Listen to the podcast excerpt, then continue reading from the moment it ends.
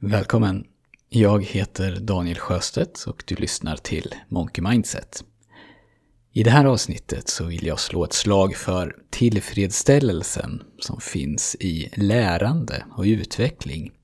Och särskilt det lärande och den utveckling som man själv kan skapa i det lilla och i det vardagsnära.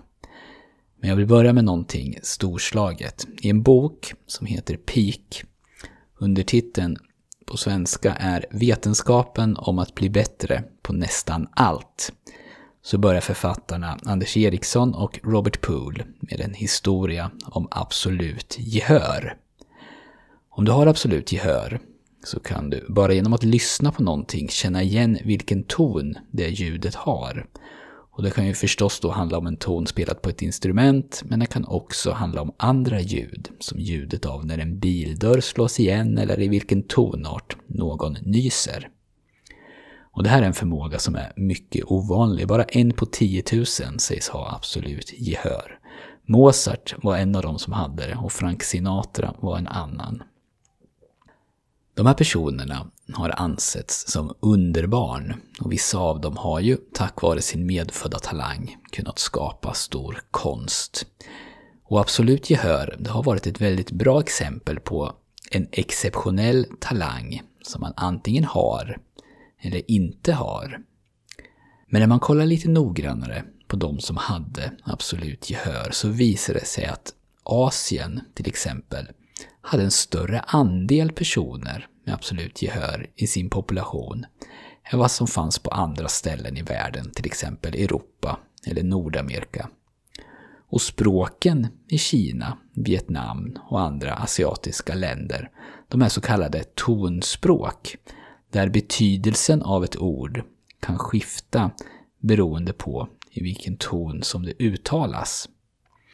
Så frågan var då, berodde den här skillnaden på någonting genetiskt hos människor som bor i den här delen av världen? Eller berodde den på att de som talade tonspråk på ett mer naturligt sätt tränades i att känna igen olika toner? Så man kollade det här också och då undersökte man hur stor andel som hade absolut gehör bland de personer med ursprung i de här länderna, asiatiskt ursprung, men som inte växte upp med språket. Alltså amerikaner till exempel som växte upp i USA och hade två kinesiska föräldrar, men där engelska hade varit språket som man pratade. Och i den gruppen så var absolut gehör lika ovanligt som bland övriga amerikaner. Så det verkade inte vara genetiskt, utan det handlade snarare om vilken typ av språk som man var uppväxt med. Och 2012 så publicerade den vetenskapliga tidskriften Psychology of Music resultatet av ett experiment gjort av en japansk psykolog som hette Ayako Sakakibara. Sakakibaras experiment bestod i att 24 barn i åldrarna 2 till 6 år varje dag under relativt korta pass ändå fick träna på att känna igen noter spelade på ett piano och hur länge de här experimenten pågick med varje barn, det berodde på hur snabbt varje enskilt barn lärde sig att känna igen noterna. Så för vissa så tog det mindre än ett år och för andra så tog det drygt ett och ett halvt år. Men när den här träningen var avslutad, då testade Sakakibara barnen och det visade sig då att alla hade utvecklat absolut gehör. Så det krävdes tid och det krävdes träning. Men Ayako Sakakibara kunde alltså visa att någonting som i århundraden hade ansetts vara mer eller mindre en gåva given av Gud till ett litet, litet fåtal, en på 10 000, i själva verket var en förmåga som alla kunde träna sig till. Och när man tittar på Mozarts liv så hade han en pappa som var som en nidbild av en modern fotbollsförälder, fast upphöjt till tio. Mozarts pappa, han ville att hans barn skulle bli framstående musiker. Så först så drillade han stora systern Marie Anna till att vid 11 års ålder spela piano lika bra som en professionell musiker vid den tiden. Och från och med att eh, Wolfgang Amadeus var fyra år gammal så ägnade sig hans pappa då, som hette Leopold, sig heltid åt sin sons musikaliska utveckling. Så Wolfgang Amadeus Mozart, han utvecklade nog snarare själv sin talang än att han föddes med den. Och det finns ju förstås mycket mer att säga om det här. Det finns nyanser och parenteser som jag inte tar upp här, men som gör det här jag just har berättat lite mer komplicerat. Men kärnan är ändå att en kompetens som man trodde var medfödd och som bara fanns hos ett litet, litet fåtal av befolkningen visade sig vara möjlig att plocka fram hos alla. Och det här är någonting, tycker jag, att fundera på för oss när vi inte bryr oss om att lära oss någonting nytt. Någonting nytt, ett nytt program på jobbet till exempel, och ger som ursäkt att datorer, det är helt omöjligt för mig.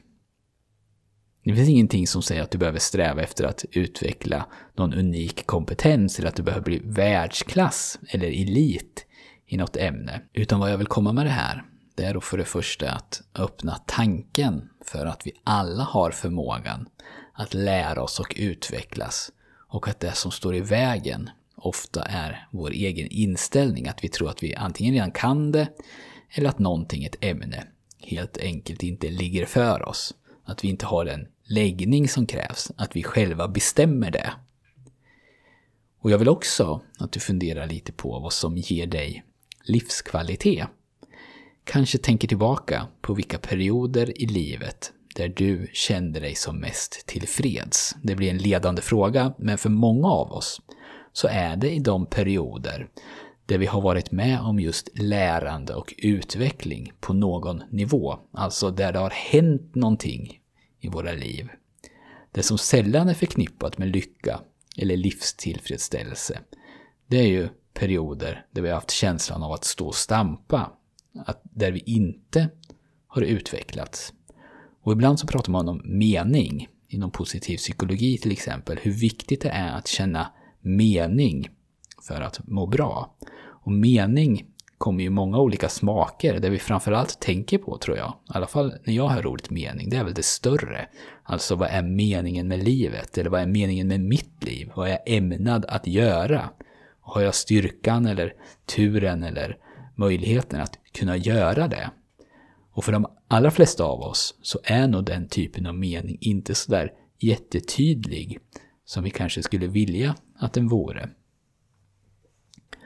Men det finns ju också andra nivåer på mening. Och vi kan ju då förstås, trots att vi inte alltid har koll på det här stora, vad är meningen med mitt liv? Skapa mening i det lilla. Och ett sätt att göra det här kan vara att skapa små utmaningar för sig själv. Antingen utmaningar som är helt separerade från allting annat i ens liv, som till exempel att lära sig ett instrument eller ett nytt språk eller gå på danskurs.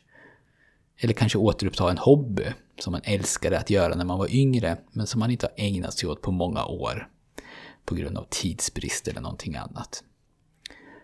Men du kan ju också fundera på vad du gör i ditt liv redan nu och ta reda på hur proffsen utför samma sak. Om du lägger väldigt mycket tid i ett visst datorprogram på jobbet men där din arbetsprocess är självlärd. Du har alltså lärt dig själv hur man jobbar i det här programmet. Då är det inte omöjligt att det finns massor att vinna, både tid och kvalitet, om du istället lär dig den arbetsprocess som det är meningen att du ska jobba efter. Jag har, tycker jag själv i alla fall, försökt att göra den här podden på ett sätt som står åtminstone lite vid sidan av den här prestationshetsen som jag vet att många känner. Att man oavsett vad man presterar aldrig får känna sig riktigt nöjd. Eller där man alltid känner att det finns mer som borde göras eller mer som borde uppnås. Men det här som jag pratar om nu, det är inte samma sak. Utan här handlar det snarare om att se utveckling och i viss mån förbättring som en naturlig och för vissa helt nödvändig del i ett tillfredsställande liv. Och att jag därför, eller att du därför, aktivt letar efter områden där du kan utvecklas. Alltså för din egen skull. Jag kommer att prata mer om det här framöver, för det är ett otroligt spännande fält där det händer mycket. Men till dess, om du vill, så kan du se om du kan hitta en enda sån här sak. Någonting där du kan utvecklas, antingen för nytta eller bara för nöje, utvecklas för utvecklandets skull. Lära dig kortkommandon i ditt mailprogram skulle kunna vara en sån liten sak, eller lära sig att hacka lök och tomater som en TV-kock. Eller bestämma dig för att trots att du har intalat dig själv att du är hopplös på namn, så ska du från och med nu, på riktigt, försöka att lära dig namnen på de du presenterar dig för och de som presenterar sig för dig. Och verkligen börja göra det. Först ta reda på hur det görs av proffsen och sen börja implementera det i ditt eget liv. Ett litet, litet steg i taget. Det var allt för den här veckan. Jag hoppas att jag har väckt några nya tankar hos dig och om du är nyfiken på mental träning så kan du få det som du behöver för att komma igång genom att gå in på monkeymindset.se och bli medlem och det kostar ingenting. Då får du bland annat vårt 30 dagars träningsprogram. Stort tack för att du har lyssnat och om du vill så hörs vi igen nästa vecka.